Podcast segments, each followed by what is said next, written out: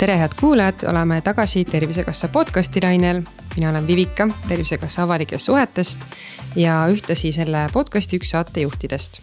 nagu ikka, räägime siin saates tervisest ja jagame siis erinevate ekspertidega häid tervisenõuandeid no erinevad tervisehädad võivad tabada meid kõiki üsna ootamatult ja selleks, et me saaksime oma tervisemurele lahenduse õigel ajal ja õigest kohast, tasub ikka teada, millise tervisemurega, kuhu on kõige mõistlikum pöörduda. Ja tänases saates annamegi siis juhiseid, millises olukorras piisab kodusest ravist ja millise terviseprobleemiga aitavad meid apteekrid, õed, arstid või EMO ja täna olengi siis saatesse kutsunud äh, perearst Anu Parvelo ja perearsti nõuandetelefoni teenindusjuhi Kärt Kuke, kes igapäevaselt äh, ka nende teemadega kokku puutuvad. tere tulemast saatesse, Anu ja Kärt tere, ma kõigepealt teen ühe väikese paranduse, et mina olen veel peremeditsiini resident, et see tähendab, et mul on veel vaja natukene pingutada, kuni ma saan endale kohta öelda perearst. tere ka minu poolt ja minu kohta on kõik väga hästi ja õigesti, aitäh nii, aga no alustame siis äh, haiguste ennetamisest, et äh, sealt ju kõik hakkab pihta. Äh, Anu, milliseid üldisemaid soovitusi teie residendina siis inimestele siinkohal annaksite, et kuidas oma tervist paremini hoida? tervise hoidmise soovitused on tegelikult sellised, mida enamus inimesi väga hästi teavad.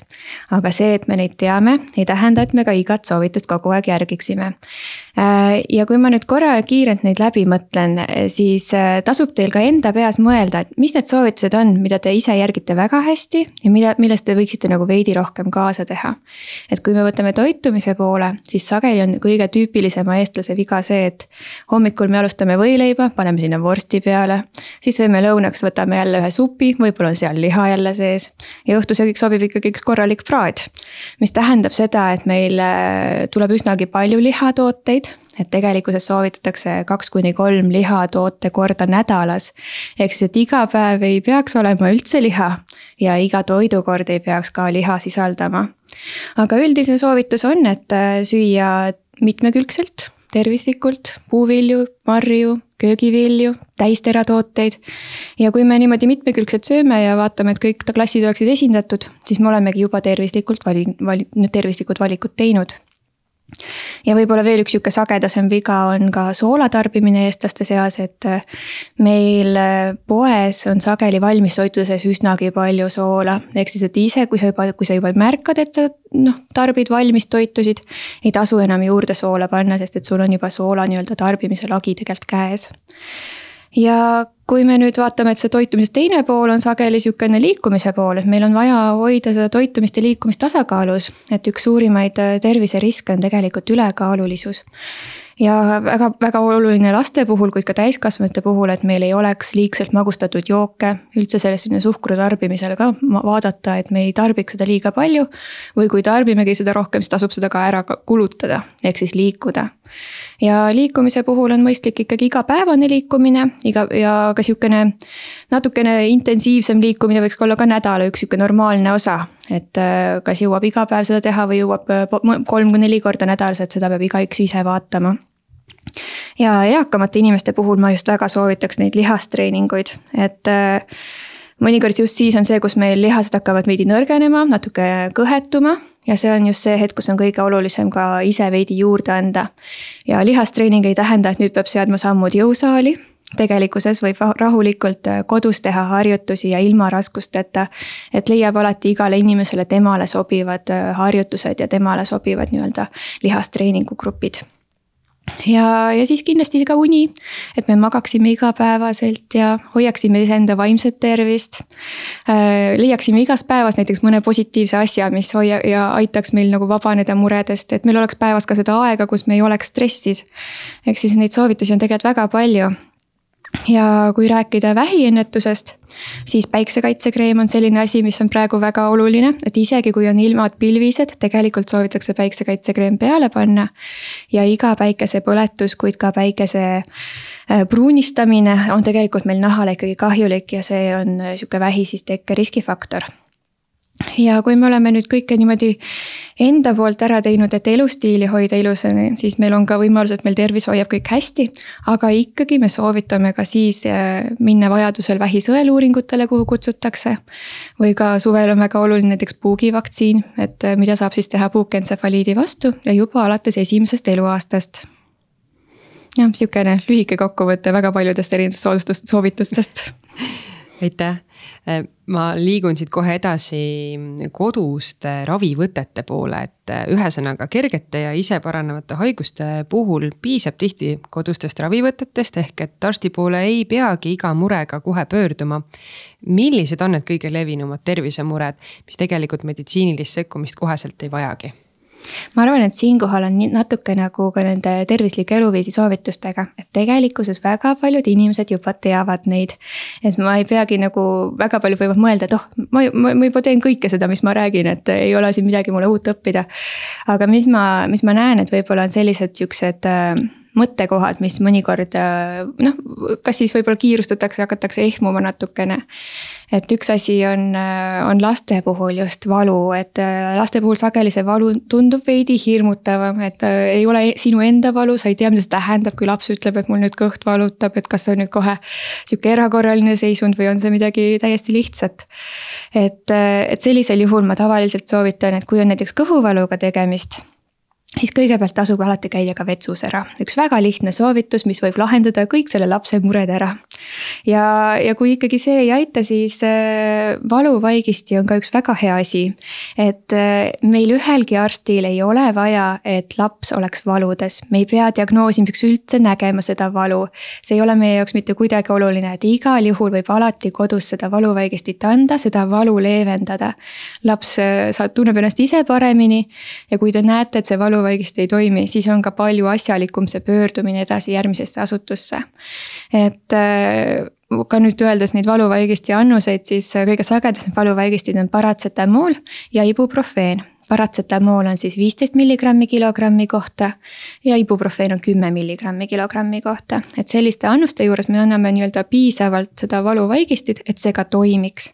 kui me anname väiksemas koguses valuvaigistit, siis me tegelikult ei pruugi sealt efekti lihtsalt saada aga noh, teised sellised sagedasemad mured on kindlasti siuksed külmetushaigused, palavik, äh, ka sellised äh, jah, muud sellised kõhuhädad, kõhulahtisus, kõhukinnisus. et need on kõik äh, olukorrad, mis tegelikult on meie elus, ma arvan, väga paljudel ette juhtunud, kus ei ole midagi halba juhtunud ja kus on väga palju erinevaid võimalusi iseenda aitamiseks. et külmetushaiguste puhul minu meelest on pea iga vanaema sihuke oma soovitustega valmis alati välja tulema ja, ja ega on väga raske arstina öelda, et missugune neist nüüd aitab ja missugune neist ei alati ei aita, et mõni on ka selline soovitus. Äh, kuid äh, mõistlik on see, et kõigepealt proovida alati enda mõistlikud siuksed vahendid ära ja kui tundub, et nüüd äh, endal on mõistus otsas, aga samas noh, tegelikult ju tead, et see on külmetushaigus. siis võib alati pöörduda ka apteeki, et apteekrid oskavad veel lisaks aidata ja nõustada, et mis on võib-olla uuemad variandid, mis on nüüd juurde tulnud mm. -hmm aga ma veel küsin üle, et noh, millised need ravivõtted siis ikkagi võivad olla või, või mis seal koduses apteegis olemas peab olema, et ennast ise aidata? Äh, kindlasti nii, nii nagu ma mainisin, siis valuvaigisti peaks mm -hmm. alati olema koduses apteekris ole, apteegis olemas. Äh, kuid äh, ütleme niimoodi, et kõigepealt ka kindlasti traumavahendid, ehk siis, et ikkagi, kui mingi haav juhtub, siis haav tuleb puhastada, see tuleb kinni panna, et kas plaastriga või sidemega.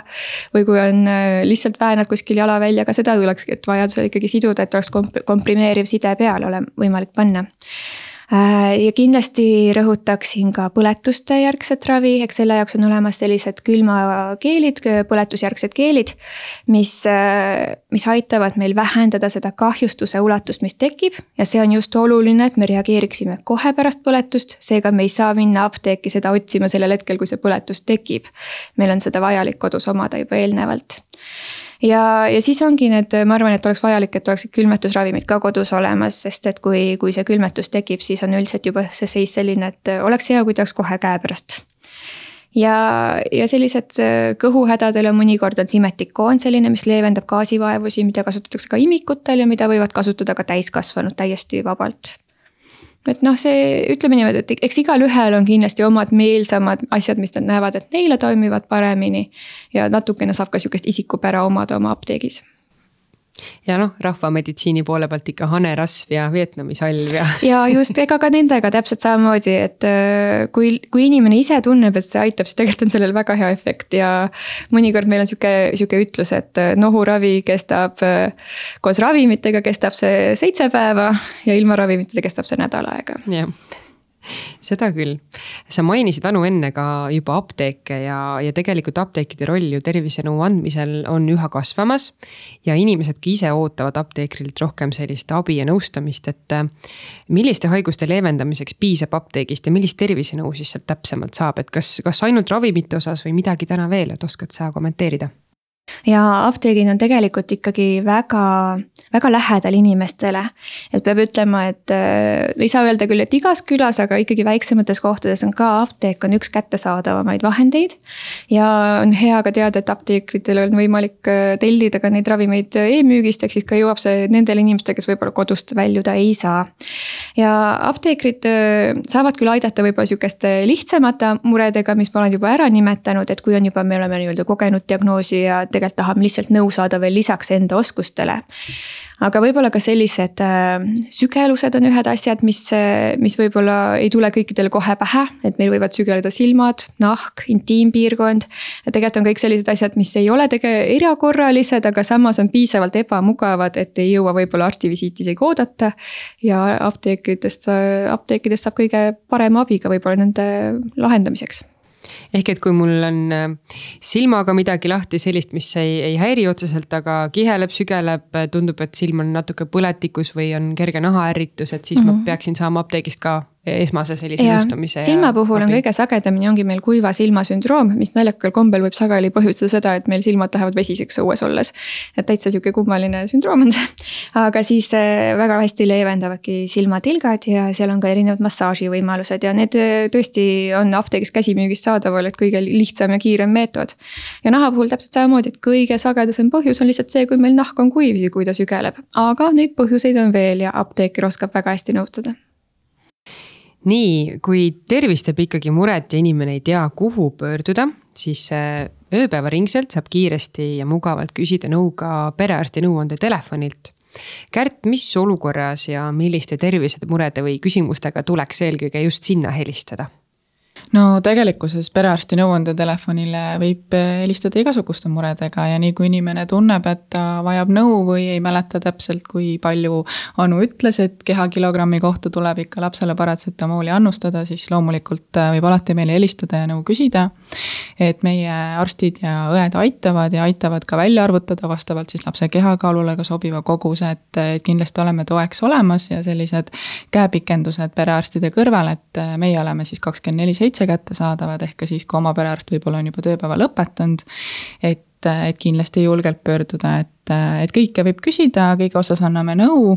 eelkõige just seda, et kuidas koduste vahenditega ise hakkama saada, mida minna võib-olla veel, vaatame üle ka kodus apteegi ja mida siis on juba tarbitud ja mida minna siis võib-olla apteegist juurde soetama aga samuti ka see, et kui meie meedik juba tunneb, et ongi vaja edasi pöörduda, siis me ütlemegi, et kui kiiresti ja kuhu poole täpsemalt peaks liikuma mm. -hmm mis muredega peamiselt pöördutakse nõuandetelefoni nõustajate poole ja palju üldse neid pöördujaid on, kes see tüüpiline pöörduja on? Pöördumisi on palju, et äh, kui ma toon nüüd äh, näiteks eelmise aasta ehk kaks tuhat kakskümmend kaks aasta, siis oli üle neljasaja neljakümne tuhande pöördumise. mis, kui nüüd äh, niimoodi aritmeetiliselt keskmise ära jagada, siis tuhat kakssada pöördumist päevas. et pöördujaid on palju, see on väga tore ja rõõmustav, et me aitame alati kõiki. peamised probleemid on ikkagi palavik, viirushaigused, külmetushaigused, nii nagu Anu rääkis, et nendega kõige rohkem vajatakse nõu. samuti traumad, kukkumised, marrastused et muud sellised väiksemad vigastused, äh, haavad, põletused ähm, ja samuti ka krooniliste haiguste puhul, et äh, ütleme, et inimesed, kellel on juba kroonilised haigused ja on mingisugune ägenemine toimunud, et siis saame nõu anda, et. et kas on ikka kõik nõuetekohased ravimid õigesti manustatud ja võib-olla siis seal midagi veel lisaks soovitada kas nõuandetelefonilt saab ka isikustatud nõustamist ja kuidas nende retseptide pikendamise või haiguslehtedega on, et vahel ju pöördutakse teie poole ka selles küsimuses? Ja just, et, et nagu ma ütlesin, me oleme olemas kakskümmend neli seitse, see on eesti ja vene keeles, samuti me pakume nõu ka inglise keeles, seda siis päevasel ajal, igapäevaselt kella kolmest kella viieni on meil olemas ka ingliskeelsed nõustajad. samuti on siis ütleme selline igapäevane anonüümne nõustamine ja samas on meil igapäevaselt olemas ka isikustatud nõustamine. mis tähendab siis seda, et inimene Smart-ID või mobiil-ID-ga tuvastades saab siis nõu küsida meie arstilt palju personaalsemalt. Ehk arstil on siis õigus minna tema digilukku lukku, vaadata ka tema raviajalugu. retseptide ja töövõimetuslehtede koha pealt on niimoodi, et me teeme retseptide pikendamise, ehk kui sul on juba varasemalt mõni retsept kirjutatud, ravim on otsa saanud, oled läinud maale, ravim on koju jäänud, siis loomulikult sellistes hädaolukordades me abistame. ja seda me teeme siis nädalavahetustel ja riigipühadel ehk sel ajal, kus oma perearst ei ole kättesaadav. ja siis hommikul kaheksast õhtu kümneni võib meile helistada ja siis küsida ja töövõimetuslehtede osas on see, et samamoodi, et kui sa oled siis riigipühal või nädalavahetusel haigestunud, aga tegelikult on sul tööpäev siis saad meie poole pöörduda samamoodi kaheksast kahekümne kaheni. me ei väljasta töövõimetuslehti, aga me teeme märke patsiendi digilukku peale seda peab patsient esimesel võimalusel pöörduma oma perearsti poole ja perearst siis äh, juba otsustab, et kas ta väljastab tagasiulatuvalt siis meie epikriisi arvestades või mitte palju see nõuandetelefonile helistamine maksma läheb ja kas ta üldse maksab, et mis see operaatori hind on või on seda üldse seal? Ja et, et perearsti nõuandetelefon on tuntud oma lühinumbri järgi üks, kaks, kaks, null. lühinumbrile helistamine tegelikkuses on äh, tasuline selles mõttes, et äh, klient, kes helistab, peab tasuma oma telefonioperaatorile. et meie perearsti nõuandetelefonil oleme nii-öelda tasuta teenus ja meie seda raha ei võta ja ei näe. aga telefonioperaatorid tõesti siis lühinumbreid tasustavad. See on väga suhteline, täna Elisa näiteks on tasuta, aga ütleme, Tele2 ja Telia on siis noh, umbes selline kolmkümmend senti minut aga nüüd tähelepanu, ehk tegelikult saab helistada ka ilma lühinumbri tasuta, ehk helistada meie pikale numbrile, mis on kuus, kolm, neli, kuus, kuus, kolm, null. ehk sinna helistades läheb kõik teie telefoniaperaatori kõnepaketti ja kui te ei ole ületanud oma limiite, mis üldjuhul on selline tuhat kõneminutit kuus, siis, siis te saate seda siis täiesti tasuta nõu küsida aitäh selle tähelepaneku eest. küsin veel juurde, et mida tuleks enne helistamist inimesel teada? no kindlasti, kui on palavik, et siis ära kraadida, öelda vahetu tulemus, lapse kaalu võiks teada, et kui lapse palavikuga on tegemist, et siin on väga oluline kilogrammide järgi välja arvutada. kui on vererõhuprobleemid, siis võiks loomulikult vahetult vererõhku mõõta, ehk et arstil oleks nagu olemas eelnevalt juba vajalik info, et siis võimalikult head nõu anda ja igaks juhuks paberpliiats, et kui tulevad soovitused, et ütleme mingile käsimüügiravimitele, mille järgi apteeki minna, siis loomulikult kõik ei pruugi kõne käigus kohe meelde jääda, et mõistlik on siis kõne käigus kirja panna. nii, peatume korraks perearsti abil ka noh, perearstikeskuses on tervisemurega inimese esmaseks kontaktiks tänasel päeval hoopis pereõde kes on ka väga pädev tervishoiutöötaja, andmaks siis äh, inimesele sellist esmast nõustamist ja hindamaks tema ravivajadust, et. Äh, Anu, mis tervisemurede lahendamine on pereõdede pädevuses täna ja millal siis tuleks pereõe jutule minna? Ja täna on tõesti pereõde on äh, tervisekeskuste ja perearstikeskuste alustala tugisammas, et äh, ma ei kujutaks ette tööd ilma temata. ja enamasti on ta ka esimeseks kontaktiks inimesele, mis tähendab seda, et kõikide murede puhul tavaliselt me kõigepealt pöördume pereõe poole. ja pereõe ülesanne on ka natukene seda muret siis äh, kuulata ja selle põhjal siis otsustada, et äh, kas on siin vaja edasist käsitlust nüüd perearstil või ongi see pereõe ülesanne. või võib-olla saab ka inimesel lihtsalt nõu anda ja ta saabki kodus ise hakkama. et äh, see ongi selline koht, kus inimene ei pea ise otsustama, et kas ta peab nüüd minema perearsti juurde või pereõe juurde. et see tehaksegi vastavalt tema murele ja vastavalt selle probleemi kiirusele. Äh, ja võib-olla, et tasub ka julgustada, et meil tõesti pereõe pereõed on nagu superinimesed, kes iga päev minu meelest kogu aeg tegelevad inimestega ja nende muredega. ja nad väga hästi oskavad aidata. et kui, kui ongi, kutsub pereõde enda vastuvõtule siis alati tasub sinna minna, sest nad kuulavad teie mure ära, vajadusel planeerivad analüüsid. pereõdedel täna on osadel juba ka retseptiõigus, neil on ka töövõimetuslehe, noh, neil on nii palju õigusi juurde tulnud, et täna see töö võrreldes kümneaastase tööga ei olegi enam noh, tegelikult võrreldav ja, ja sel hetkel, kui pärast näiteks analüüse või pärast pereõe vastuvõttu selgub, et tegelikult on siin vaja rohkem käsitlust või ka arsti sihukest sekkumist. siis, siis saab arst ka juba efektiivsemalt sekkuda, ehk siis, et inimesel on võimalik enda aega kokku hoida ja ka arstil on võimalik äh, teha võimalikult efektiivsed visiidid, et inimene saaks reaalselt seda abi, mida ta vajab oma visiidiga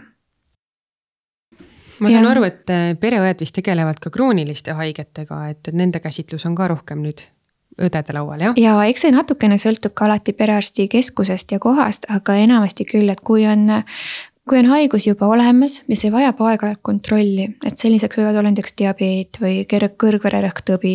siis on väga hea seda kontrolli teha ka pereõe juures, kes saab põhiliselt kontrolli asjad ära teha, vaadata ka võib-olla vererõhu ja kaalu ja. ja mõnikord vajadusel teeb ka EKG ära, et EKG võib-olla hiljem hindab arst veel üle. aga pereõde saab juba selle protseduuri ära teha, et, et ei peaks pärast arsti, arstivisiidi ajal seda tegema ja, ja siis, kui kõik on hästi, siis ei olegi vaja arstivisiiti, siis saab öelda inimesele, et võib jätkata raviskeemiga ja lihtsalt kontrollida, et ta teaks, missugune on tema raviskeem ja missugust, mis, mis ta üldse tegema peab oma haigusega. ja mõnikord ongi see, et põhiliseks ongi, et tervislike eluviiside jälgimine, vastavalt raviskeemile ravimite võtmine ja, ja siis ikkagi ka aeg-ajalt käia kas pereõe või perearsti visiidil, et see on selline põhiline alustala milliste tervisemuredega see õde ikkagi suunab kohe kindlasti perearsti vastuvõtule inimese? Äh, seda on hästi raske sihukest konkreetset nimekirja tuua, sest tegelikult see on päris suure variatsiooniga ja see sõltub ka mõnikord pereõest, et iga kord, kui pereõde tunneb, et. et, et see nüüd nagu hakkab tema nagu piiridest välja minema, et ta nüüd täpselt ei oska enam aidata, siis ta võib alati suunata edasi, et tal on see variant nagu alati avatud. et see võib-olla, kui kui näiteks kõrvavalu on sageli selline koht, kus, kus pereõde lihtsalt vaatab kõrva üle ja kui ta näeb seal põletikku või ei näe, siis ta saab nagu vajadusel ka täiendavalt küsida arstilt nõu, et näiteks, et ta nüüd ei saanud täpselt aru, et kas see on põletikuline kõrv või ei ole, et siis saab arst tulla ka lisaks vaatama. Äh, kuid see võib olla ka mõni sihuke keerulisem juhtum, et kus ongi, et inimesel tegelikult ei ole diagnoosi.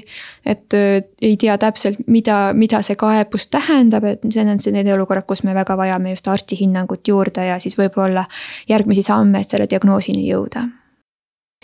ma tahaksin selle ka veel üle täpsustada, noh, võib-olla et isegi üle küsida, et, et eks inimesed on ikka harjunud ju sellega, et kui neil on tervisemure, nad tahavad kohe samal päeval abi saada, aga kui kiiresti tegelikult peab inimene üldse siis pereõe või perearsti vastuvõtule saama ja mis see tänane praktika siis reaalsuses on mm? -hmm. kui on ikkagi erakorraline mure, mis tõesti vajab kohest vastuvõttu, siis võiks inimene saada samal tööpäeval vastuvõtule.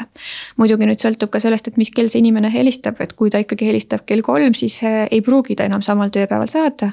et siis on lootust järgmisel tööpäeval saada. aga kui on selline tavaline, et näiteks kaebus, et võib-olla on lihtsalt kõhuvalu, mis on pikemat aega juba häirinud, et eh, siis on viie tööpäeva jooksul tuleks vastuvõtule saada. ja, ja kui on selline täitsa niisama kontrolli tulla, et võib-olla kaebust ei olegi, et siis võib ka see kahe nädalani ulatuda. et igale murele tavaliselt ongi sihukene oma, oma sihuke rütm ja pereõed ka sageli hindavad, et kui näiteks see kaebus ongi selline, et ei ole nagu. noh, et tal on juba mõnda aega see olnud, see ei ole kohe muutunud, siis mõnikord antaksegi see aeg natukene hilisemaks. arvestades sellega, et meil jääks erakorralistele patsientidele samaks päevaks vajadusel vastuvõtuaeg ka alles aga eks iga keskus on natukene erinev ja natukesed väiksed muudatused võivad olla ka sihukestel perearsti ja pereõdede töös. No inimesed pöörduvad teatud muredega eriarstile, mida tegelikult täna on ju väga hästi võimelised lahendama ka perearstid, et millised on need peamised haigusseisundid, analüüsid või siis protseduurid, mille korral patsiendid tegelikult saavad äh, abi ka juba oma perearsti keskusest ja ei peagi seal eriarsti ravijärjekorras istuma ja peab ütlema, et peaaegu igal erialal on tekkinud seda, et kõigepealt võiks aidata perearst. et me oleme, perearsti kutse on ka väga palju arenenud ja järjest enam on ka võimalik seal uuringuid ja analüüse teha, mis tähendab, et. et just väga paljud kroonilise haigustega patsiendid on jäänud nüüd perearstide jälgimisele. näiteks noh, hüpertensioon, südamepuudulikkus, kopsuhaigustest võib-olla astma, krooniline obstruktiivne kopsuhaigus tõesti diabeet, need on siuksed sagedased kroonilised haigused, mis võib-olla kunagi varem käisid niimoodi iga aasta eriarsti kontrollis. et täna me pigem näeme seda, et nad käivad siukselt regulaarselt pereõe ja perearsti kontrollis. ja kui nüüd siis äh, perearst leiab, et näiteks, et tekib süvenemine, võib-olla on vaja siin veel lisaks abi või mingit täiendavat diagnostikat, et siis ta saab vajadusel kas edasi suunata või e-konsulteerida selle eriarstiga aga, aga ka erinevad äh, sihukesed nahaprobleemid, et sageli on äh, üks, üks pikemaid järjekordasid on nahaarstile. ja, ja mõnikord ei olegi sellel inimesel vaja oodata seda kolme-nelja kuud sinna nahaarstile, vaid saab kohe pöörduda perearsti vastuvõtule, kes vaatab selle nahaprobleemi üle. kui selleks nahaprobleemiks on nüüd äh, mõni sihuke sünnimärk, mis on natukene koledam, siis see perearst võib-olla otsustab ka selle ise sealsamas koha peal eemaldada ja ongi inimesel nii-öelda mure lahenenud ja teine variant on see, et, et perearst suunab ta siis kirurgile ja siis jällegi ei ole tegelikult nahaarstile vaja minna, et ta jõuab nii-öelda õigesse kohta oma murega. Ja kui see on nüüd ikkagi mõni nahalööve, siis äh, sageli perearstid oskavad ka väga hästi nahalööbeid ravida, ehk siis me saame kohe kiiresti oma murele lahenduse ja saame alustada ravi, et me ei pea ootama vahepeal seda järjekorda ja kui nüüd selgub, et perearst siiski seda nahalöövet ei tunne või ei oska seda ravida või vajabki see tegelikult täiendavalt äh, nii-öelda haiglaarsti ravi, et mõni haigus on selline, kus, kus ei olegi mõeldud, et seda perearst raviks siis perearst saab edasi suunata ja, ja kas ja üks hea variant on tõesti selle e-konsultatsiooni kaudu suunata. kus inimene jõuab siis nahaarstile sellisel ajal, mis tema probleemile sobib. ehk siis, kui tema probleem vajabki kiiremat käsitlust, siis nahaarst saab selle üle vaadata ja vajadusel teda ka varem kutsuda, kui see pikk järjekord. ehk et kas noh, vastus on vist juba tea, teada, aga kas üldse siis on haigusseisundeid, kus inimene peaks otse pöörduma eriarsti poole? No ma tegelikult väga soovitan usaldada oma perearste ja pöörduda perearstide poole. ma kindlasti ütlen, et mingid haigusseisundid võivad veel olla ja sõltuvad ka perearstist, et noh, näiteks äh, mõned perearstid teevad gümnakoloogilisi läbivaatusi, kuid teised ei tee, nii et siis järelikult, äh, kui sinu perearst ei tee ja sa tõesti soovid gümnakoloogilist kontrolli, siis see sõltub sellest, aga ja ka näiteks äh, silmahaiguste puhul mõnikord on silmaarstidel täiendavad võimalused, et praegu meil ei ole näiteks perearstid esmatasandil võimalik seda silmarõhku mõõta, mis on väga paljude haiguste juures oluline.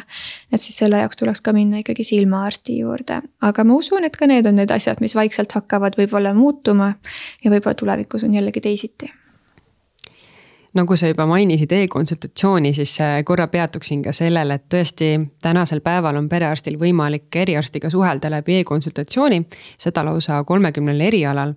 Äh, just selleks, et patsiendi diagnoosi ise täpsustada ja talle vajalik ravi määrata ja see tähendab seda, et sageli patsient sinna eriarsti juurde ju jõudma ei peagi ja, ja saab vajalikku abi kiiremini kätte juba oma perearsti käest. Anu, äh, kuidas teile see e-konsultatsioon on äh, nüüd sobinud või mis, mis muljed teil selle poole pealt on ja, ja millistel erialadel on see kõige rohkem kasu toonud teie patsientidele? minu meelest on e-konsultatsioon tänapäevase meditsiini sihuke imeravim, et äh, ta tõesti aitab inimest väga-väga hästi. ja me saame väga hästi abi, väga spetsiifilist abi Äh, juba enne, kui, kui nii-öelda inimene on perearstisüsteemist äh, võib-olla lahkunud, et näiteks olukordades, kus ta vajabki võib-olla kopsuarsti visiiti näiteks, siis me saame talle juba alustada mingite ravimitega. see inimene ei pea vahepeal lihtsalt tühja ootama nii-öelda, et me saame juba esimesed sammud ära teha. ja kui ta jõuab sinna eriarstile, siis tema saab juba efekti hinnata ja edasist käsitlust teha. et äh, see on üks sihukene minu meelest täiesti väga hea võimalus inimesele, et ta ei pea lihtsalt ootama vastuvõttu, et ta saab samal ajal tegutseda. teine asi ongi see, et kui meil on vajagi inimesele ainult nõustamist, et äh, mõnikord on mõni mure selline, et eriarsti jaoks on tavaline ja ja, ongi mõni hea lihtne soovitus olemas, teeme selle ära ja tegelikult on mure lahenenud. ja minu arust viimane sihuke hästi oluline komponent ongi see, et me saame igat mure hinnata vastavalt tema vajadusele. ja kui see mure on nüüd selline, et see vajabki kiiremat käsitlust, siis seda saab vajadusel ka kiiremini käsitleda. ja kui ei ole vaja kiiret käsitlust, siis ongi võimalik seda jätta niimoodi natukeseks ootama või rakendada senikaua teisi ravivõtteid ja, ja see ma arvan, et see võiks olla tulevikus sihukene nii-öelda põhiline reaalsus, mida me kasutamegi iga kord, kui inimest soovime edasi aidata haiglasüsteemi viimisel. sest see tähendaks, et meil ei oleks nagu asjatuid suunamisi, et kõik suunamised on läbi juba vaadatud selle eriarsti poolt. see eriarst on või see haiglaarst on saanud juba ka tutvuda selle inimese looga, ehk siis kui inimene tuleb vastuvõtule, on temal juba ka lihtsam selle inimesega tegeleda. sest et ta teab, et see on, see on juba korra nii-öelda tal läbi mängitud peas ja nagu ka võib-olla mõned soovitused juba rakendatud ja, ja siis võiks olla ka, et meil tänu sellele lähevad järjekorrad lühemaks, et ei oleks ka seda muret, et haiglaartil ei saa nüüd, sest et järjekord on liiga pikad ja igaüks jõuabki sellel õigel ajal, nagu ta peaks jõudma. ja noh, ütleme niimoodi, et seda tõesti minu meelest on vaja igal erialal, et äh, see väga, väga raske on öelda eriala, kus ta nüüd oleks nagu veel, veel tõhusam kui teisel erialal, sest et noh, tõesti, ta on, noh, võtan allergoloogia, kus on väga hästi rakendav või neuroloogia, kus tal on, inimesed saavad tõesti väga hästi abi ja. ja siis vaatamegi, et need nahahaigused, kus ma saan nahahaigustest ka pildi saata näiteks nahaarstile, kes siis saab täiendavalt selle põhjal mind aidata. et tõesti, igal erialal on, on see väga hea meetod kui palju perearstid seda üldse kasutavad, et mis mulje sul sellest on jäänud, et mm -hmm. kas patsiendid peaksid ise rohkem suruma seda läbi ja ütlema, et äkki kasutame seda või, või perearstid ikkagi väga haplalt juba proovivad seda? see sõltub jällegi perearstist ka ja minu meelest oleks see hea küll, kui patsiendid ka natukene seda küsiksid, et aa, et võib-olla me saaksime siinkohal teha ka hoopis e-konsultatsiooni. et äh, kindlasti on perearste, kes teevadki ainult peaaegu nagu põhiliselt e-konsultatsioone, aga on ka, on ka teistsuguseid perearste, kus seda tehakse vähem, et eks see sõltub kindlasti perearstist ja tema harjumustest ka. nii ja lähme siis nüüd EMO-de ja kiirabi eh, teema juurde ka, et eh, eks see EMO-de ülekoormus on teatavasti olnud selline üsna pikaajaline probleem ja, ja selline põhjendamatu erakorralise meditsiini osakonda pöördumise Äh, taga võib äh, või see võib tekitada olukorra, kus ikkagi potentsiaalselt äh, eluohtliku seisundiga haiged võivad jääda vajaliku või kiire abita. Kärt Janu, millal siis ikkagi tuleks tegelikult erakorralise meditsiini osakonda pöörduda ja millal mitte? Minu meelest on inimesel äh, vaja teada mõndasid olukordi, kus äh, alati pöörduda. et võib-olla ei pea siin seletama lahti nagu mingit äh, autoavariid, kus tundub enam-vähem loogiline, et kui kellelgi on suur vigastus ja palju verd voolab kuskil, et siis helistame kiirabi, et seda ma, ma arvan, et me enamusel inimestel tundub see loogiline. aga üks sihukene haigus, mida me kindlasti alati soovitame teada, on insult kus, kus on selline kolmiksümptomaatika, näiteks võib tekkida käe või jala nõrkus. siis võib ka üks suupool kalduda niimoodi natukene viltu, kõneraskus tekkida. ja see on selline seisund, kus on alati kiire, et kus võiks alati kiirabi kutsuda ja kus, kus siis ei tasu jääda ootama, et kas see läheb üle või ei lähe üle, et, et see on üks selliseid variante, kus ei tasu vaadata ka südamelihase infarkt on selline seisund, kus kus, mida on mõnikord võib-olla raskem ära tunda kui insulti, et äh, selles mõttes on ta ka erakorraline seisund. meil tekib rindkere valu, sageli kaasneb iiveldus, õhupuudustunne, valu võib kiirguda vasakusse kätte ja üldiselt see on sihukene, et see on ikkagi väga noh, inimene on ikkagi häiritud seisundis. et see on selline olukord ka, kus tasub ikkagi pöörduda. Ja ja tegelikult on neid olukordi veel, aga ma arvan, et kui teiste olukordadega ei tea, siis kehtib reegel, et kui ei tea, siis küsin. et äh, ja selle jaoks on tõesti väga hea variant, kas siis kaksteist kakskümmend või siis äh, tõesti üks, üks, kaks vajadusel ja just, et äh, omalt poolt lisaks siia selles mõttes statistikat, et ma rääkisin väga suurest pöördumiste arvust aga, aga kaheksakümmend viis protsenti nendest neljasaja neljakümne kolmest tuhandest kõnest me oleme suutnud puhtalt kõne käigus ära lahendada.